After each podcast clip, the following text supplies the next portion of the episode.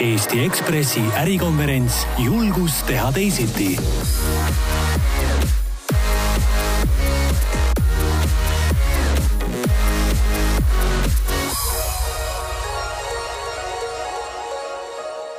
millal pauk tuleb? väga raske öelda.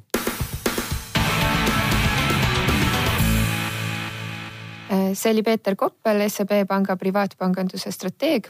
Ta rääkis Ameerika majandus- ja finantskuru Nassim Talebi mõtetest ja võimalikust uuest majanduskriisist. Nassim Taleb on üks peaesineja Ekspress Meedia korraldatud suurel konverentsil Julgus teha teisiti, mis toimub kaheksateistkümnendal aprillil Alexela kontserdimajas.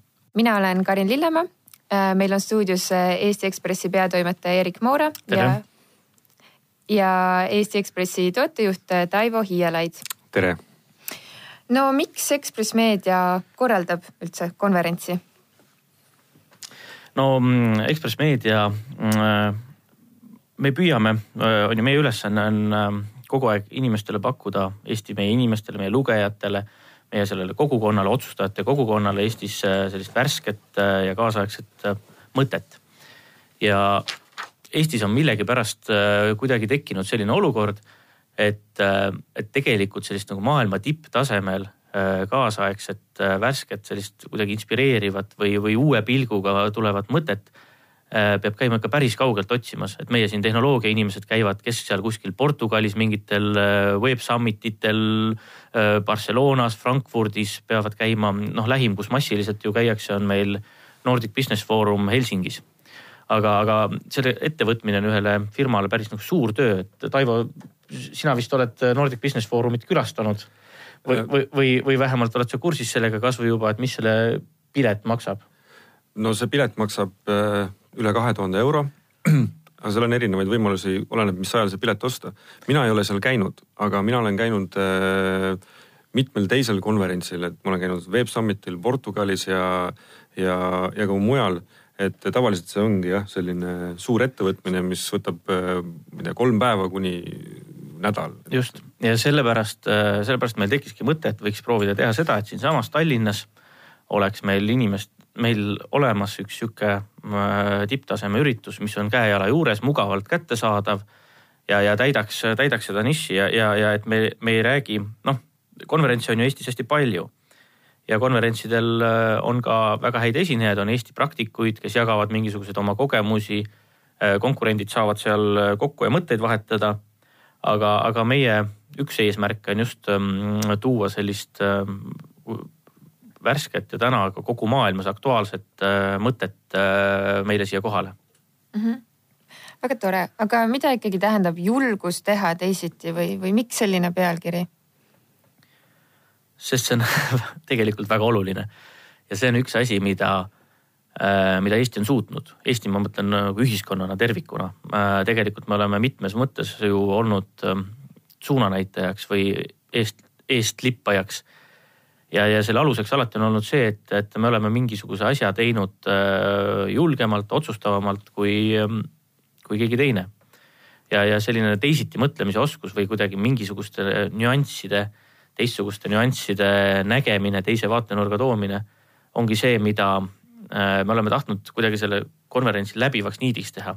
et, äh, et me proovime nii, et, et äh, esinejad räägivad meile, esinejad on valitud täpselt selle järgi, et nad on midagi teinud oma karjääris, valikutes, mõtetes, filosoofias või, või ütlemistes äh, originaalselt. Nad eristuvad, nad kuidagi, kuidagi, mm, nende lugu on, on äh, veider või, või, või ootamatu või teistsugune.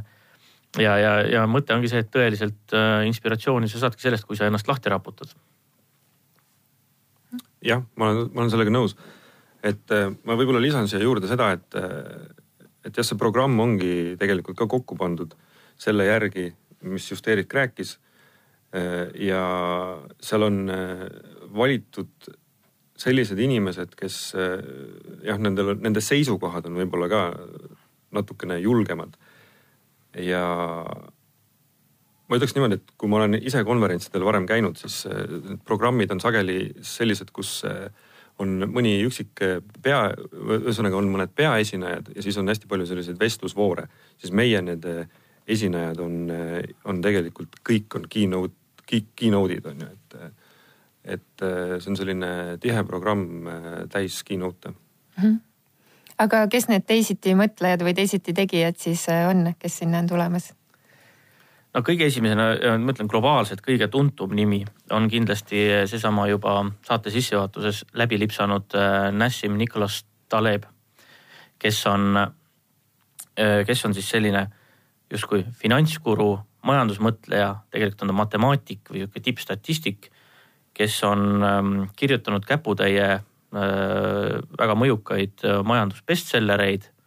Nad ei olegi tegelikult enam nagu majandus, ta on läinud palju laiemaks oma selle asjaga, ta üldse tegelikult nagu mõtestab seda, et millised süsteemid, inimesed ja ettevõtted ja riigid ja ühiskonnad on tugevad, on kriisideks valmis ja, ja, ja millised mitte, et Nassim Taleb oli üks ähm, kuulsaid ähm, just selle osas, et tema kahe tuhande kaheksanda aasta finantskriisi ette ennustas, pani selle peale oma ka äh, aktsiatega kauplejana, pani ta sinna oma panused ja ta suutis selle pealt teenida ajal, kui kogu maailma pangandus löödi äh, ikkagi korraks nagu paanikasse või sisuliselt külmutati.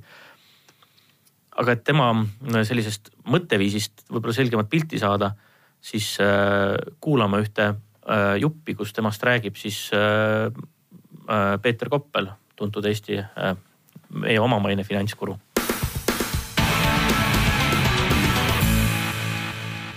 Tere, Peeter Koppel.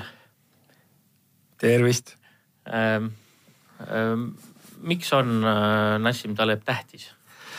Nassim Taleb on tähtis sellepärast, et ta suutis äh, purustada kohutavalt suure koguse inimeste eksiarvamused sellest, millises maailmas me elame.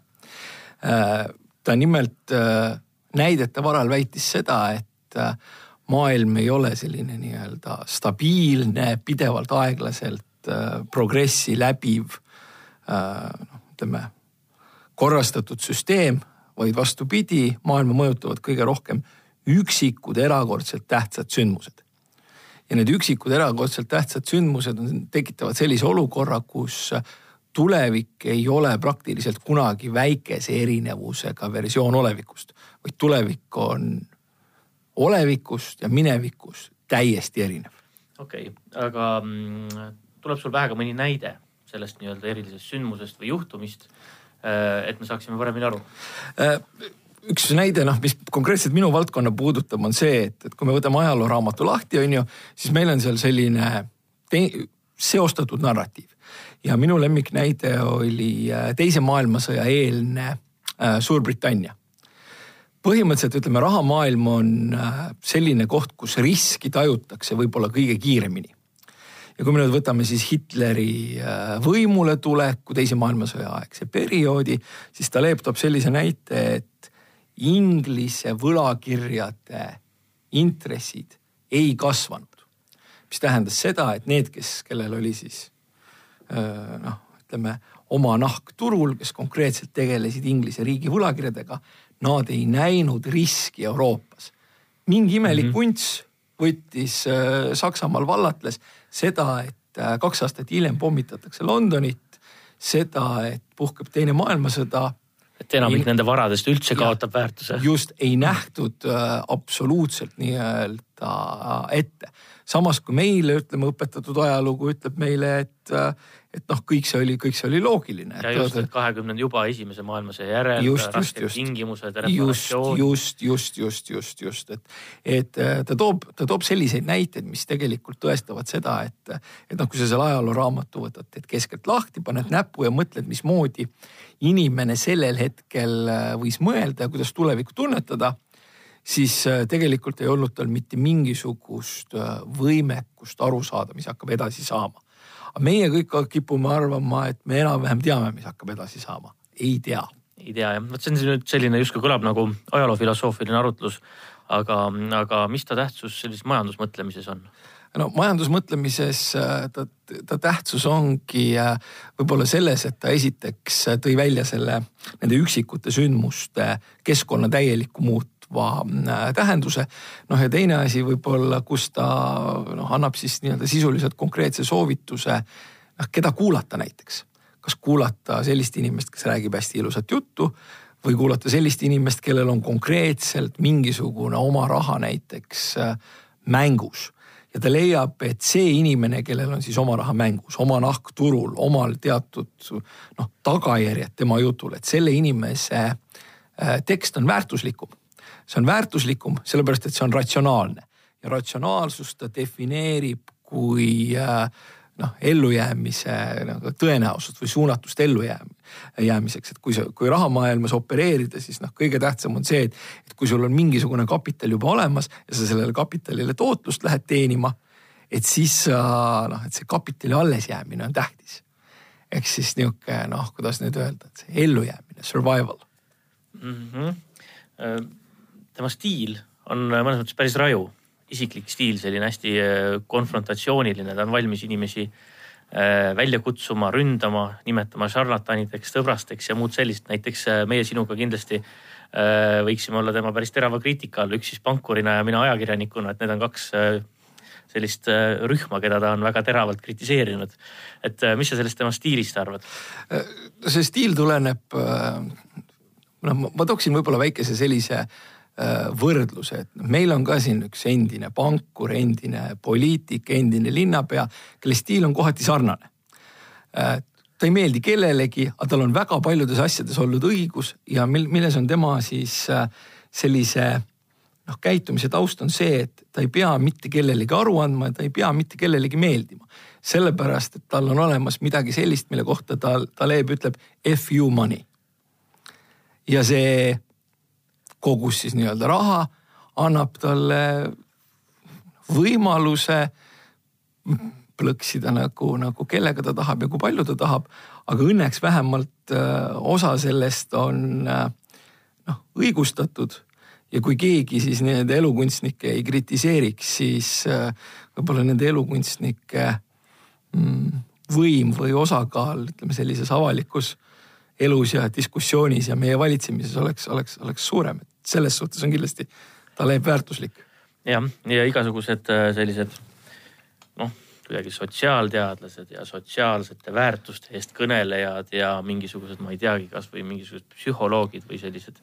Äh, need on, on tema äh, ka sihukeste e-, eriliste viimase aja rünnakute objektiks, et, et miks just need no siin võib-olla on äh, natukene tuleb ikkagi mängu see, et esiteks seal on hästi palju äh, silmakirjalikkust.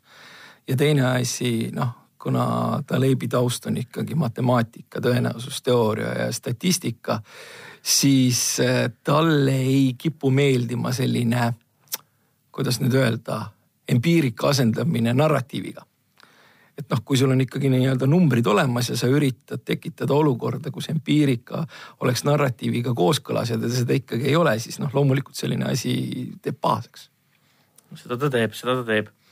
Äh, üks asju, mida ta ütleb äh, muuhulgas on see, et, äh, et mõnes mõttes kahe tuhande kaheksanda aasta majanduskriis ei ole läbi, et me need faktorid, mis selleni viisid on äh, maailmas tegelikult äh, täpselt samamoodi või hullemini olemas. peab ta siin silmas siis äh, sellist kõige nagu läbipõimitust, reguleeritust, üle, ülekorraldatust, et süsteem on muudetud, on muutunud iseenesest väga hapraks.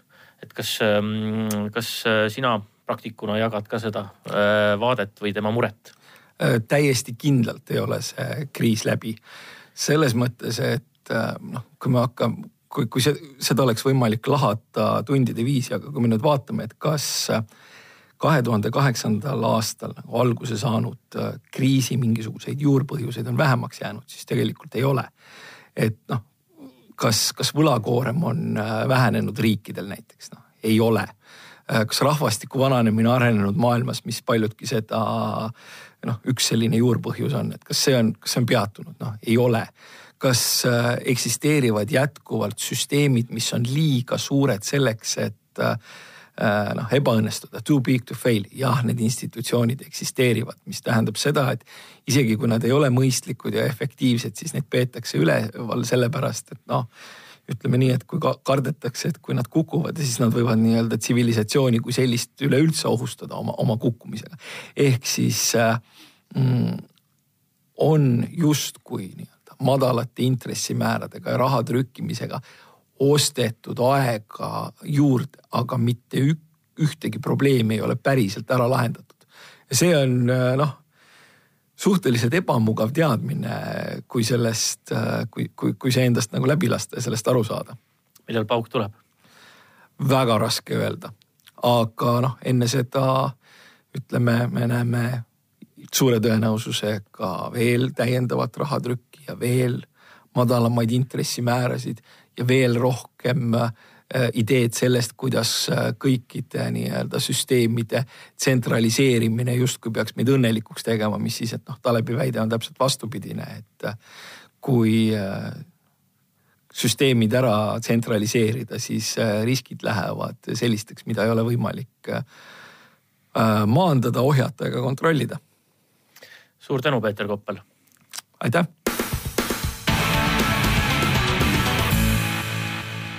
Äh, väga tore, et äh, Taleb, aga kes siis Talebile lisaks seal esinevad? Mm, lisaks on meil äh, Nir Eyal, kes on tuntud just eelkõige tehnoloogiaettevõtjate seas ja kes on kirjutanud sellise raamatu nagu Hooked, mis on, ma ütleks niimoodi, et tehnoloogiamaailmas võib-olla tootearendajate ja ja, ja igasuguste startup'ide juures tootearenduse piibel, et see on üks enim tootearendust, sellise tehnoloogia tootearendust mõjutanud raamatuid. see raamat tegelikult räägib sellest, kuidas luua mingis mõttes sõltuvust tekitavat tehnoloogiatoodet. nagu näiteks meil on Facebook ja, ja, ja, ja Google ja, ja teised sellised äh, tehnoloogiahiiud, et kuidas, mis on need äh, nii-öelda nüansid nende toodete juures, mis tekitavad, mis inimesi paneb neid kasutama?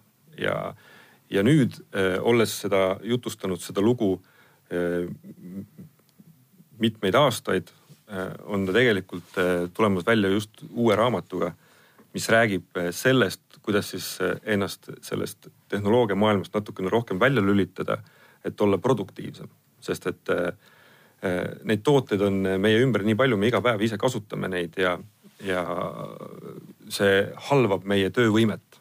ma arvan, seda teavad kõik, kes aktiivselt püüavad vähemalt endast ümbritseva maailmaga kursis olla. Ja, ja tema noh, selles mõttes tema teekond ongi nagu natuke selline, et, et alguses väga suure entusiasmiga ise ehitada võimalikult äh, selliseid äh, aheldavad või tähelepanu köitvaid tooteid, äh, püüda ajada nagu see tehnika täiuseni. ja siis äkki nüüd oleme me kogu, tegelikult kogu maailm ju oma selle Facebooki kriitikaga ja, ja, ja muude sotsiaalmeediakanalite kriitikaga on tegelikult jõudnud sellisesse punkti, kus me oleme tegelikult aru saanud, et see tee, sellel teel on väga suured riskid, väga suured puudused ja, ja see võib takistada nii meie äh, arusaamist maailmast, isiklikku arengut äh, kui ka debatti või üldse demokraatlikku debatti ühiskonnas tervikuna. ja tema siis äh,, Nirre Jall ongi praegu ähm, tegelemas ka selle poolega, et kuidas terve mõistus selles kõiges säilitada. ja tal on selles osas äh, väga põhjalikke uuringuid, teaduskirjandust, millele toetuda. Jah, ja see tema nii-öelda keynote on äh, väga praktiline selles mõttes, et see on selline, et äh, kui sa tuled sinna konverentsile, siis sa saad väga selged juhised, juhtnöörid, kuidas, kuidas seda teha, millised on need sammud, mida sa peaksid ette võtma. et äh, selles mõttes see on väga kasulik igale ühele isiklikus plaanis kui ka näiteks ettevõtte juhile, et kuidas oma töötajate keskkonda kujundada või milliseid äh, asju tähele panna töö, töökeskkonnas, et inimesed oleksid produktiivsemad, töötajad oleksid produktiivsemad. jah, siis vahel ettevõtjad, äh, turundajad, inimesed, kes teevad midagi, mida nad tahavad maailmale pakkuda, tunnevad ka muret selle pärast, et ähm, kuidas see nende sõnum kohale jõuab. Äh, kas nende asjast saadakse teada, kas seda tajutakse õigesti, siis selles valdkonnas me oleme kutsunud ka ühe globaalselt hästi tuntud ja tipptasemel teisitimõtleja, kelleks on Bob Hoffman. Äh, Taivo, sa oskad jälle lähemalt rääkida? jah, no Bob on, on ka kirjutanud mitu raamatut Äh, tal on üks väga äh, populaarne äh, blogi, mida loetakse üle maailma väga, väga palju. ja ta on hästi hea, hästi hea esineja, ta on esinenud väga paljudel turunduskonverentsidel, tehnoloogiakonverentsidel, väga paljud suured maailma tuntud ettevõtted on kutsunud teda eraldi enda ettevõttesse esinema. ja tema on, tema nii-öelda see julgus teha teisiti või, või see, miks ta haakub selle teemaga hästi, on see, et ta on natukene sellele peavooluturundusele teistsuguse seisukohaga. et inimesed, kes on käinud turunduskonverentsidel, teavad, et viimased üks võib-olla ma ei tea, kümmekond aastat on räägitud, kuidas või isegi rohkem on räägitud, kuidas internetiturundus ja digitaalturundus ja kuidas see on tulevik ja see päästab kogu, kogu reklaamitööstuse, kogu äh, internetitööstuse ja siis ühel hetkel tekkis siia juurde ka kogu see programmaatik või reklaamitehnoloogia. et tema on nüüd see mees, kes ütleb, et võtame korraks väikse pausi ja vaatame nendele numbritele otsa ja vaatame, kuidas need asjad äh, toimivad. Äh, samamoodi on sotsiaalmeedia turundus, et tema ettekanne räägib sellest, äh, kuidas nagu ta ise ütleb, et turundajad elavad fantaasiamaailmas, kus, kus justkui tarbijad tahaksid brändidega vestlusesse astuda ja tahaksid nendega äh, suhelda kogu aeg kuskil erinevatel platvormidel. tema ütleb, et see päris nii ei ole ja et internetiturundusele või ütleme kogu sellele digitaalturundusele äh, kulutatakse liiga palju ja, ja seetõttu raisatakse väga palju raha. ma ütlen, et see on selline äh, natukene teistmoodi seisukoht, mida on turunduskonverentsidel kuuldud ja see on igale nii-öelda ettevõtte juhile või turundajale selline värske pilk et eh, kuidas ka veel vaadata nagu oma turunduseelarvele otsa jah, ja ta juhibki tähelepanu, muuhulgas on juhtinud tähelepanu ikkagi väga nagu sellisele tõelisele või valusale tähelepanekule, et tegelikult sotsiaalmeedia või veebireklaami vahenditega pole loodud mitte ühtegi globaalset brändi. Ehm, et, et, et see panebki nagu mõtlema, noh justkui see hoiak, et kõik on sotsiaalmeedias, kõik on ainult veebis et äh, päris nii lihtne see ikkagi ei ole. Äh, ja selles mõttes on tema teooriad äh, väga huvitavad ja esitluslaadilt on ta just mõjuv. jah, jah, üldiselt ongi, ta on, ta on väga hea esineja, et tavaliselt ta saab ikkagi, paneb saalide rahvast oma esitluste ajal naerma ja, ja ta on, paljud inimesed, kes on käinud turunduskonverentsidel, on toonud tema välja just sellise kõige kõige parema esinejana selles või ütleme sellena, mis neile nendest turunduskonverentsist meelde jäi mm. -hmm. aga millest räägib näiteks äh, Linda Liukas? Äh, Linda Liukas on äh, siis Soome programmeerija ise, kirjanik, ka väga särav esineja, raamatu illustraator ja kes on siis teinud väga suuri pingutusi selleks, et, et kuidas tänapäeva tehnoloogilises maailmas tegelikult nagu nooremat põlvkonda või lapsi. Äh, kuidas teha niimoodi, et, et see tehnoloogia oskus või programmeerimine või see mõtlemine, äh, tehnoloogiline mõtlemine oleks äh, kuidagi inimese põhihariduse osa nagu teine kirjakeel sisuliselt, et sa valdad, valdad seda ja tema on siis selles osas teinud väga menukaid raamatuid mida on osaliselt ka eesti keeles avaldatud ja Linda Liukase asju, kuna ta on Soomest pärit siit lähedalt, on ka enne siin tutvustatud.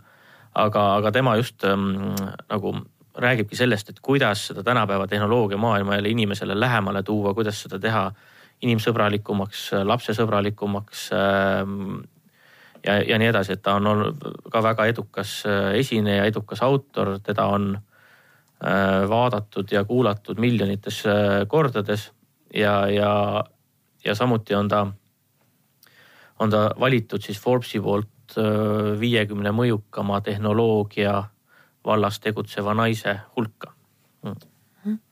siin on väga erinevad valdkonnad koos, et tehnoloogia, programmeerimine, finants, siin on kunsti on ju, et, et, et see on päris selline laiahaardeline, et mida siis ikkagi inimene, kes sinna konverentsile tuleb, et mida ta saab sellest? no mina näen seda asja niimoodi, et äh, ma olen ise ka käinud väga palju konverentsidel ja, ja, ja sageli ongi see, et et lähed sinna konverentsile, seal on tohutu programm, millest sa kõigest ei jõua osa võtta. Eh, siis on eh, tuntud esinejad tuntud e-, ettevõtetest ja väga palju on selliseid paneele, kus räägitakse, kus räägitakse, mm, et eh, mida tulevik toob, kuhu mingi sektor liigub, mis turunduses on suunad. ja üldiselt see jutt on seal tavaliselt üsna etteaimatav, et, et kõik see, mis meie maailmas toimub, see toimub meil igal pool Eestis, Portugalis samamoodi ühtemoodi ja kõik näevad maailma asju üsna sarnaselt. ja siis, ja siis mõnikord sellel konverentsil üks, tuleb mõni esineja, kes kuidagi avardab sinu mõttemaailma või inspireerib sind, annab sulle mõne, mõne uue mõtte. et see, see inspiratsioon mõnikord ei olegi nagu selline praktiline, et ahah, nüüd tee nii, tee naa ja, ja siis äh, sind saadab edu, vaid ta annab sulle ühe uue vaatenurga nendele tegevustele, mida sa teed. Nüüd äh, minu arvates meie nüüd esinejad ongi selle järgi välja valitud, kes kõik annavad mingisuguse uue vaatenurga, natukese teistsuguse mm, ettekujutuse. ja, ja ma ütleks, et, et need on et see, mida sa saad, minu arvates on kõige suurem ongi just inspiratsioon, väike mingi, mingi teine vaatenurk turundusele, kuidas olla produktiivsem, kuidas hinnata riske ja, ja kokkuvõttes see ju ongi see, mis nagu aitab edu saavutada. jah, ja et meil on siis veel täienduseks, kes äh, kursis pole, et äh, kavas on siis äh, meil ka mõned Eesti sangarid, kes räägivad just oma edu nagu sellistest või oma mõtlemise võtmehetkedest, mis, mis on teinud nad siis kas ühel hetkel nii edukaks või, või, või aidanud mingisuguseid raskeid hetki ületada, et näiteks üks on üle aastate väga pika aja esineb Eestis Kalev Mark Kostabi, tuntud kunstnik, kes ühel hetkel kaheksakümnendate keskel oli selle New Yorgi nagu kõige kõige sellise konkurentsitihedama kunstimaailma, kui see kunstimaailm pulbitses ja nii edasi, ta oli selle üks ikkagi säravamaid tähti või selline esiletõusja. tegi, tegi täiesti teistmoodi tööstuslikult, turundas ennast täiesti teisel tasemel võrreldes kunstnikega. ja, ja ühel hetkel suutis ehitada oma täiesti arvestatava kunstiimpeeriumi. nüüd ta tegutseb endiselt kunstivaldkonnas, kohati väidab, et ta on isegi edukam kui, kui tollal. Aga, aga oma lugu ja valikuid tuleb ta rääkima siis siia konverentsile ja samuti on meil kavas ähm, Gerd Kanter, kus tundub ka, et mida me veel tema kohta nagu ei tea või Gerd Kanter, meie rahvuskangelane, mida me täpselt kõik ei tea, aga Gerd Kanter äh, räägib meil ka. esiteks on ta juba tänases kontekstis väga aktuaalne selles osas, et ta räägib, kuidas on võimalik tippsporti maailma parimaks saada ühel äh, väga hilja spordiga alustanud või tippspordiga väga hilja alustanud ähm, äh, äh, poisil väikesest Eesti maakohast Äh, mida ta siis tegi ja mida ta ühel hetkel hakkas tegema teisiti ja kuidas ta oma raskustest, äh, mingitest võtmehetkedest üle sai. ja kuidas teha üldse tippsporti ilma dopinguta et see on kahtlemata, mm, kahtlemata haruldane lugu täna mida Gerd Kanter on äh, teisiti teinud. ja ma lisan siia juurde, et, et nii Gerd Kanter kui äh, Kostabi mõlemad äh, panevad oma nii-öelda selle esinemise spetsiaalselt äh, meie konverentsi jaoks kokku, et see ei ole nagu selline toode, mida nad käivad igal pool rääkimas, vaid see on spetsiaalselt, me oleme teinud neile ettepaneku rääkida. Nad äh, sellest konverentsi teemast lähtuvalt nagu äh, räägivad spetsiaalselt ja, ainult sellel konverentsil. mis, mis oli see teisiti asi, mis tegi Gerd Kanterist pikaks ajaks maailma parima näiteks, et see on kindlasti väga huvitav. eks siis me, meie laval näeb ka mitmeid Eesti ärijuhte, ettevõtjaid, praktikuid, kes, äh, kes äh, saavad siis vahendada ka oma mõtteid, nagu näiteks kõigile tuntud Sten Tamkivi tulevast Kristi Saare räägib, kuidas tuleva siis kogu seda pensioni mõtlemist muutis ja õieti tegelikult me oleme palunud, et ta räägiks just pigem sellest, et mis nüüd edasi, et kus veel sellise nagu uue mõtlemisega, värske mõtlemisega, koostegevuse mõtlemisega saab nagu mingisugust järgmist revolutsiooni tuua. Kaidi Ruusalepp Funderbeamist ja endine Tallinna börsijuht äh, räägib.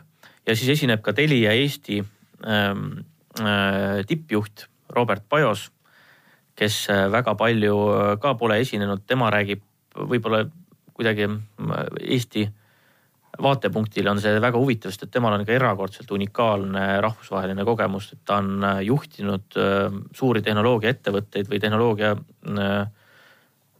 ettevõtteid, ka väiksemaid startup'e siis äh, Ladina-Ameerikas mitmetes riikides, Brasiilias, pikalt siis äh, Kolumbias, siis Venemaal, siis Ameerika Ühendriikides, siis on ta ise Rootsi taustaga, tal on e-, Eesti äh, rahvuslik taust.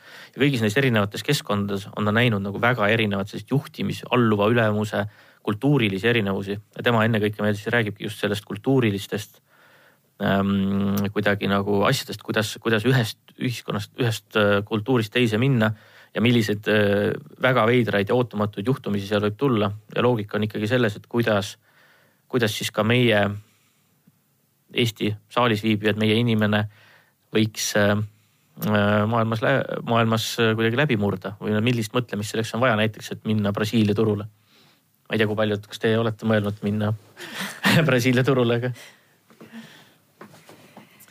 okei okay,, väga tore, tundub, et tõesti sellest ühest päevast võib saada inspiratsiooni kogu aastaks, aga aitäh! Ja konverentsi kohta on võimalik äh, rohkem infot saada kodulehel ekspress.ee kaldkriips konverentse ja siis äh, kaheksateistkümnendal aprillil Eesti Ekspressi konverents Julgus teha teisiti, et äh, olge kohal. Eesti Ekspressi ärikonverents Julgus teha teisiti